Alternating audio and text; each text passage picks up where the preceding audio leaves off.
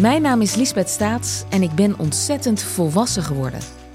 Zo volwassen dat ik zomaar op het punt sta aan de tweede helft van mijn leven te beginnen. Tenminste, dat hoop ik. Maar hoe leid je dat deel van je leven dan een beetje slim en leuk? Dat vraag ik in de podcast Lang zal ze leven aan vrouwen die daar al zijn. Die dat terrein al helemaal hebben verkend en inmiddels uit een enorm reservoir aan wijsheid kunnen tappen. Ik praat onder andere met Annemarie Oster, Petra Lasseur, Annemarie Jortsma en Tineke de Nooi in Lang zal ze leven.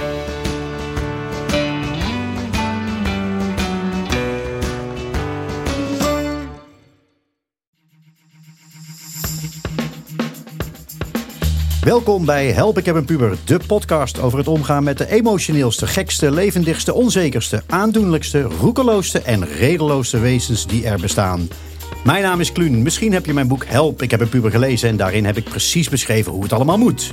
Maar in deze podcast bespreek ik hoe het er in werkelijkheid aan toe gaat thuis. Want laten we eerlijk zijn, of we nu zelf puber of puberouder zijn, we struikelen allemaal maar door de puberteit heen. En ik praat niet alleen, maar naast mij zit co-host Ivanka van der Zwaan, columnist, schrijver en vooral pubermoeder.